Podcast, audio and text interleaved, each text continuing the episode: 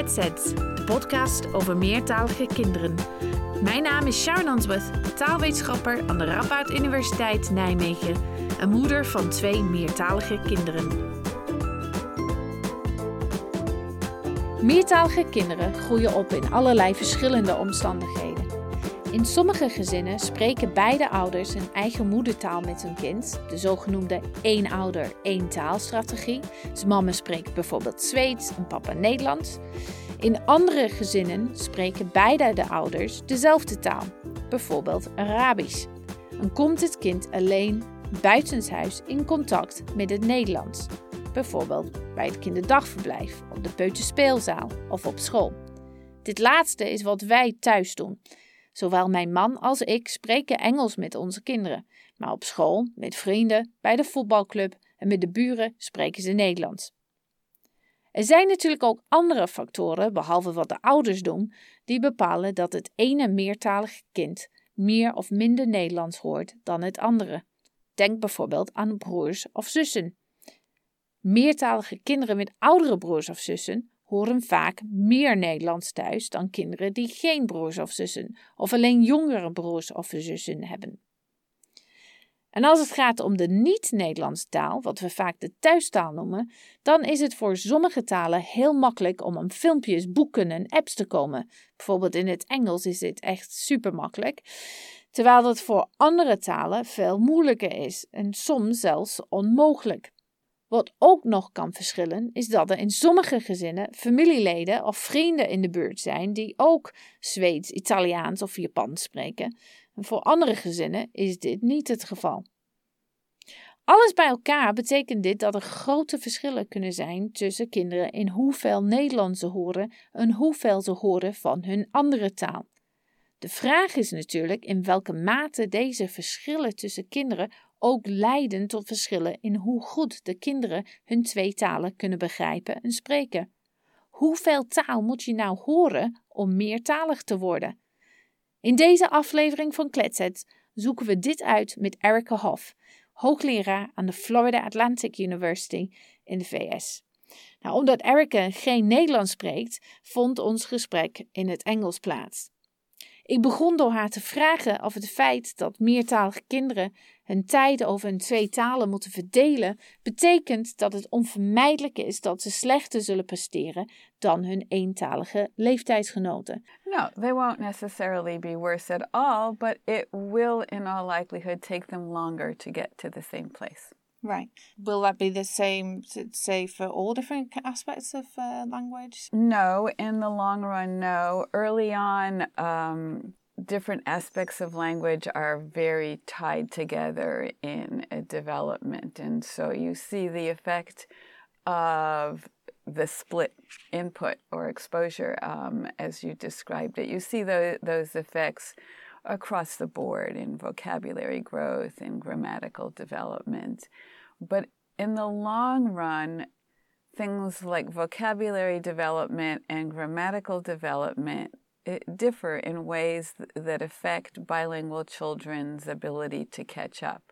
In grammatical development, at some point, children have mastered basic aspects of the grammar. They know how to put words together.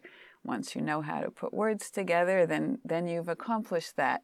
And so, in those kinds of milestones, we see, and other people who have studied this, see that the bilingual children catch up to the monolingual children um, after a lag. Dus als het gaat om grammatica, hoe kinderen hun zinnen in elkaar zetten, kunnen meertalige kinderen er soms langer over doen dan eentalige kinderen om dit aspect van taal onder de knie te krijgen. Maar na een korte vertraging halen ze hun eentalige leeftijdsgenoten wel in.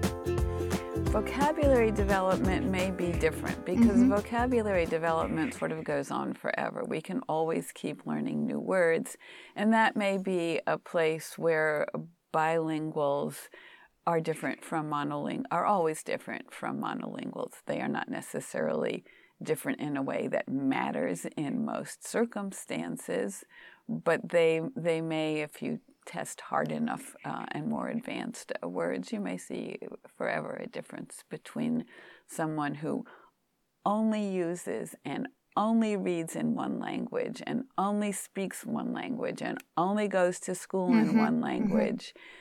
There, there may be forever some differences between such a person and someone who is doing their reading and writing and speaking in two or more languages.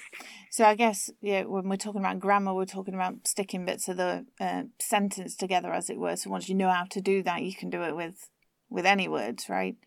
Yes. So we're talking about vocabulary. I guess the words you know are the ones that you use in the in the parts of life that you use your language for, right? So, right.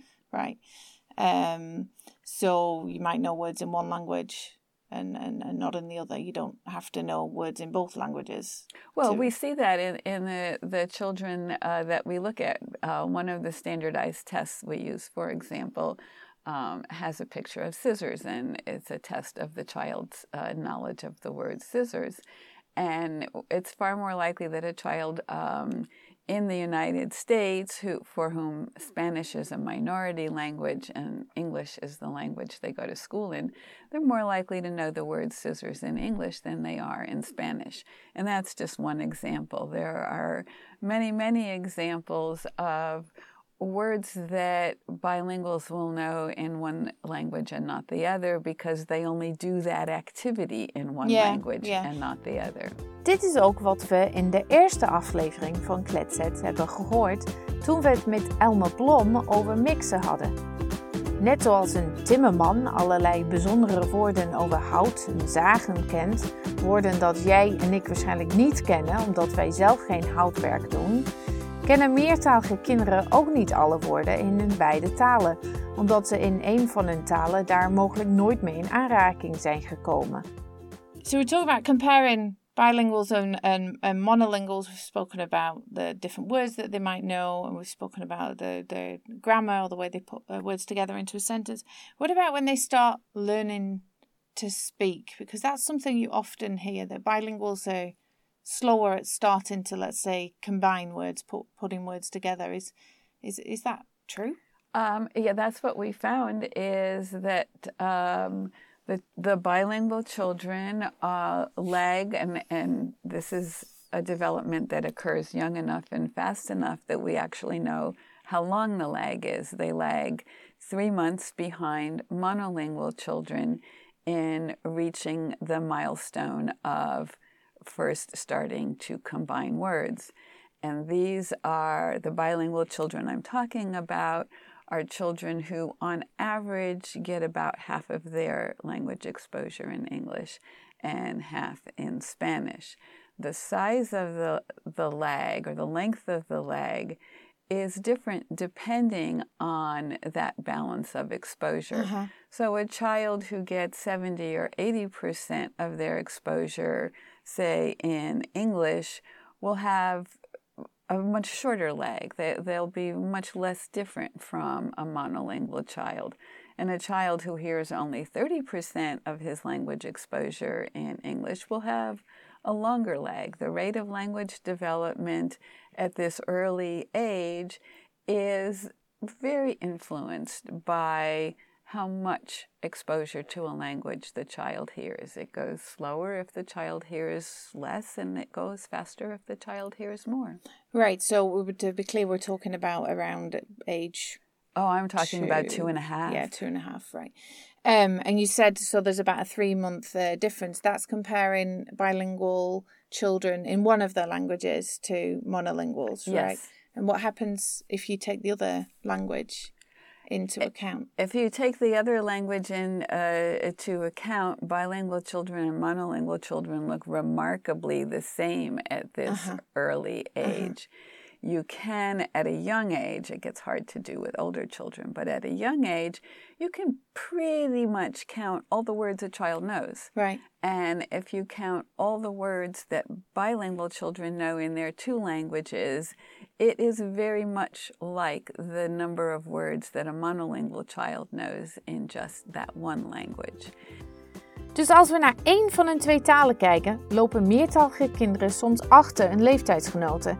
Maar dit is afhankelijk van hoeveel ze van deze taal horen. Horen ze meer, dan zal de vertraging, oftewel de lag, veel korter zijn. Maar horen ze weinig van die taal, dan zal de vertraging en dus het verschil met eentaligen groter zijn. Tel je de twee talen echter bij elkaar op, dan zijn er weinig tot geen verschillen. Iedereen legde ook uit hoe belangrijk het is om rekening te houden met andere factoren die de taalontwikkeling van kinderen kunnen beïnvloeden als je meertalige kinderen wilt vergelijken met eentalige klasgenootjes. Een van deze factoren is de opleidingsniveau van ouders, of socio-economic status, zoals zij dit noemden. It's very important that you compare monolingual and bilingual children who are similar in other aspects. And uh-huh. socioeconomic status is a very strong predictor of language development. Right. And if you look at norms, uh, so big, large databases of the age at which children do things, if, if those norms are done well, they include a range of children from lots of different backgrounds. Mm-hmm, mm-hmm. And bilingual children who get uh, studied also come from a range of different backgrounds, and it's just important to compare like uh, to like. You mentioned before that it can really matter how much of a language uh, bilingual children hear, and we know that that varies, right? Some children only hear a, a, bit of the language, the, the minority language, and others hear that most of the time, especially in the in the early years when they're at home. One of the questions I think parents have is how much input is enough how much language do you need to hear to be able to become bilingual? Do we know the answer to that? I, I don't think we we know. It's a it's a question people talk about, yeah. and, and people have uh, tried uh, to do uh, research on. Um, clearly, there is some limit to how much information children can process at a time. You couldn't take a monolingual child and just talk to it twice as much, and then that baby would learn to talk twice as fast. I mean, right, right, right. The experiment's right. never been done, but nobody doubts uh, yeah. the outcome of it. On the other hand, within the normal range of experience that children have, I don't think there's any convincing evidence that allows us to say a certain number of hours a day and then everything else is extra and doesn't matter. Um, and, and the way people often ask the question about bilingual children is is 80% the same as 100%? Mm-hmm, is 70% mm-hmm, the mm-hmm. same as 100%? I think the best answer to that is no, that is every extra amount makes a difference. Whether it's a detectable difference or an important difference is again a, another matter. Um, and again, it also depends upon to what monolinguals you are comparing this mm-hmm, bilingual mm-hmm, child. Mm-hmm. What what often happens, and, and this should be um, I think, a comfort to, to parents who are trying to raise their children um, as bilinguals in a monolingual world, which is often um, yeah. the, the, circumstance for yeah, schools, yeah. is that if the where where the schools are designed for monolingual children, they are still designed for a range of monolingual children right. yeah. a- around whatever is average. And so bilingual children are doing more. They are learning two languages, but they, they can uh, do more. They can learn two languages. And if they have very rich input um, from parents who provide experiences and really support the children's language development, then bilingual children can get pretty close to monolingual, uh, to, to, average monolingual levels. With a lot of, of support, children can do two languages and, and not be at a great disadvantage, particularly if they're dominant in one language. And that's usually the case, that a, a, perfectly balanced bilingual is kind of a rare creature. I always um, say it's a very monolingual perspective on bilingualism. Yes. When we see children who come from bilingual homes, the children who have the most English dominant exposure are very close and sometimes not uh, noticeably different from uh, the monolingual children. The children who whose exposure is primarily in Spanish uh, have a different outcome. Right. We're talking about how much you hear of a language can affect the development of that language. So, um, are we, is it really an effect on how quickly you learn the language, or is it also an effect on where you end up, right? How well you end up speaking it? I think the best answer to that question is that the amount you hear a language influences how quickly you acquire it, but your ultimate level of proficiency is going to be more a function of the circumstances in which you hear that language and the uses to which you put that language. Right, right. The, the nature, or the quality of your language exposure is going to affect the ultimate accomplishment, but the amount will affect the rate. That's a bit of an oversimplification, right. but I think there's a right. lot of truth in that. Okay, we'll get to quality in a minute, but for now, let's first listen to our Kletshead of the week. Kletshead van de week. Elke week vertelt een meertalig kind hoe het is om met twee of meer talen op te groeien. De opname is gemaakt op wetenschapsfestival Expeditie Next. Vandaar de achtergrondgeluiden. Hallo, ik ben Nathan. Ik ben 7 jaar en ik spreek Russisch, Engels en Nederlands. Drie talen. Wauw, dat is knap. En hoe is dat om drie talen te spreken? Vind je dat moeilijk of makkelijk? Leuk, niet leuk? Leuk. Leuk? Wat is daar zo leuk aan?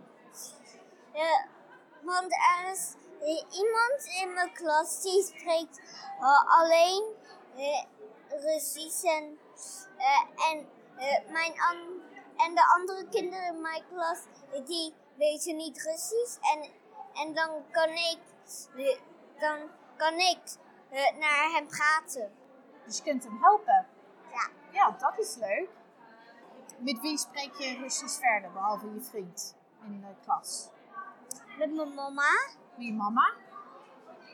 En met iemand anders? en mijn broer. En je broer? En je spreekt ook Engels, zei je. Ja. Met wie spreek je Engels?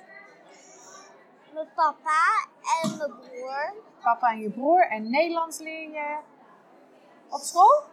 Ja. Welke taal spreek je het liefst? Als je zou kunnen kiezen. Nederlands. Nederlands. Waarom Nederlands? Eh, want dat is de taal dat ik leer. Dat is de taal die je leert. Ja. Is het soms moeilijk om drie talen in je hoofd te hebben? Ja, soms moeilijk. Soms. Waarom? Want als ik eh, al Nederlands en Engels in mijn hoofd heb, dan moet ik proberen Russisch in mijn hoofd te plakken. en dat, en dat lukt niet, eh, niet vaak. Dat lukt niet vaak. Vind je, kom je niet op het juiste woord? Nee. Ik kan geen. Ik kan Nederlands en ik kan Engels, maar ik kan geen Russisch. Kan jij me, kan jij me misschien leren hoe je tot uh, vijf kunt tellen in het Russisch? 1, 2, 3, 4, 5. Dat was snel, oké. Okay. 1, 1, 2, 3, 4, 5, 6, 7, 8, 9, 10. Oké, laten we 1 tot en met 3 doen dan, want dat is me veel te moeilijk. Dus 1 was Adin, Один, два, три. Adin. Doe ik het goed? 2 Два, en три. 3. Zoals in het Nederlands. Три. Три. 3. 3. En hoe zeg je dankjewel en tot ziens in, jou, in eh, Russisch? Спасибо, пока. Spasiba paka. Nou, spasiba paka. Kletshead van de week. So, Erica, you just mentioned that um, it's not only how much language you hear, but the, the, the kind of language you hear. So, the, let's say the quality of the language you hear that can have an effect on bilingual children's language development. What, what do you mean exactly by quality? Well, I can answer that um, in a couple of different ways. One dimension of quality has to do with the purposes to which language is put. The vocabulary and grammatical structures that you use at home, talking about home sorts of things, putting children to bed at night, feeding them breakfast in uh, the morning, uses a fairly limited right, uh, range right. of vocabulary, even among the most proficient uh, speakers right, yeah, in yeah. Uh, the world. On the other hand, language that's used in school, language that you read in, language that you work in, is going to draw on a larger vocabulary and a richer range of grammatical structures. So, one aspect of quality, to oversimplify again, is is it a home language or is it also an academic language and right. a workplace language? Another factor that influences quality, even within just home language mm-hmm. use, is the language proficiency of the speaker. And this might not be obvious. That is, if you're talking to a two year old, who, after all, doesn't know very much about mm-hmm. the language, yeah. and you're just talking about what to eat for breakfast, you wouldn't think that the proficiency differences between, say, a native speaker and a non native speaker would matter. How hard is it to talk about eating your cereal? But it turns out we have recorded mothers talking to their uh, children with playing with toys and doing uh, ordinary yeah, home normal, kinds of normal things. things yes. Yeah. And some of these mothers are native uh, speakers of English, and some of them are native speakers of Spanish, but who use uh, the English that they know in interacting with their children. Mm-hmm. And we find differences. We find differences in the range of vocabulary that's used, and we find differences in the complexity of the grammatical structures that are used. And importantly, the, the limits in the range of vocabulary limits what we call the informativeness of the language. That is, children have to figure out the patterns of language from right. the speech they hear. And some speech is more revealing of those patterns than others, and speech that uses a rich vocabulary is more revealing of those patterns. So, what we find looking at just monolingual children is the richness of the vocabulary in the speech they hear and the complexity of the grammatical structures in the speech they hear are positive predictors of their language development. De kwaliteit van het taalaanbod is dus belangrijk. Wat we met kwaliteit bedoelen is de context waarin de taal gebruikt wordt en wie het taal praat met het kind. De taal die kinderen op school horen bevat veel meer verschillende woorden dan de taal die kinderen thuis horen. Ook de zinnen zijn complexer. Het is logisch, want de onderwerpen waar je het op school over hebt zijn natuurlijk veel complexer dan waar je thuis over praat. ook de mensen die met een kind praten kunnen verschillen in hoe taalvaardig ze zijn. Sommige mensen gebruiken meer woorden veel meer verschillende woorden. Ze stellen veel vragen en leggen veel uit aan het kind. Dit is wat er bedoeld wordt met de kwaliteit van het taalaanbod, iets dat zowel voor eentalige als meertalige kinderen relevant is. Parents sometimes still get the advice that they should speak Dutch to their children because, as you said, the, the more you hear a language, the better you'll learn it. So the idea is, well, you know, Dutch is the language of school, and so it's important that they can speak Dutch. So teachers and other maybe health professionals, uh, sometimes even politicians, I've heard say, well, you know, make sure you speak Dutch to your uh, children, and even if you're not a native speaker, is that advice that you'd uh, support?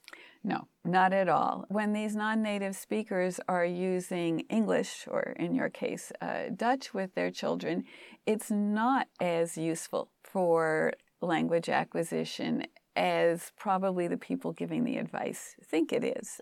So that's one half of it. The other half of it is every time someone who's a native speaker of Spanish is speaking English uh, to her child rather than Spanish, the child's losing the opportunity to hear Right, Spanish right. and to learn Spanish.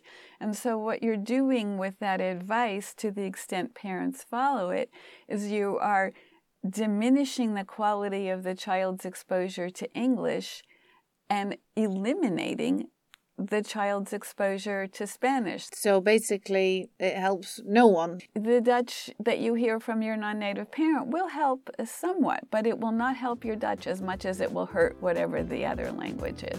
Het veelgehoorde advies om Nederlands met je kind te praten als je zelf geen moedertaalspreker bent, is dus geen goed advies. Het gaat je kind waarschijnlijk niet helpen om beter Nederlands te praten en het gaat vaak ten koste van zijn of haar andere taal. Okay, so I think we're going to wrap it up for this particular episode. Maybe we can finish by talking about what these uh, findings mean for what teachers can expect from bilingual children. Well, I think teachers, and, and for that matter, parents and speech language pathologists, have to recognize that language acquisition is not a magical uh, process. It takes time, it takes exposure, and the children who are acquiring two languages are doing more than the children who are acquiring just one. And it will take them more time. And the fact that the bilingual children may not have as big a vocabulary and may not be as advanced speakers as the monolingual children is normal. It's to be expected. It doesn't mean there's anything wrong uh, with the child. And so uh, parents and teachers need to have reasonable expectations and not use uh, their idea of what's typical for a three year old or a five year old in monolinguals and evaluate a bilingual child against that standard, they would come to a wrong conclusion about the bilingual child's abilities. Er is dus geen duidelijk antwoord op de vraag hoeveel taal moet je horen om meertalig te worden. Maar wat onderzoek heeft wel laten zien, is dat hoeveel een kind in aanraking komt met zijn of haar twee talen, invloed zal hebben op hoe snel het deze twee talen leert. En waar een kind de taal hoort en van wie, zal ook gevolgen hebben voor hoe goed het de twee talen leert. Hier in Nederland moeten meertalige kinderen functioneren in een grotendeels eentalige omgeving. Op een paar uitzonderingen na is Nederlands de voertaal, zeker op de basisschool. En dus is de taalontwikkeling van eentalige kinderen de norm. Het is dus onvermijdelijk dat meertalige kinderen met eentalige kinderen vergeleken worden. Wat Erika hier in dit laatste stuk beweert, is dat het belangrijk is dat als je dit doet, je rekening houdt met het feit dat meertalige kinderen vaak minder Nederlands en ander Nederlands horen dan hun eentalige leeftijdsgenoten. En dat dit gevolgen kan hebben voor wat je van ze kunt verwachten als het gaat om een Nederlandse taalontwikkeling.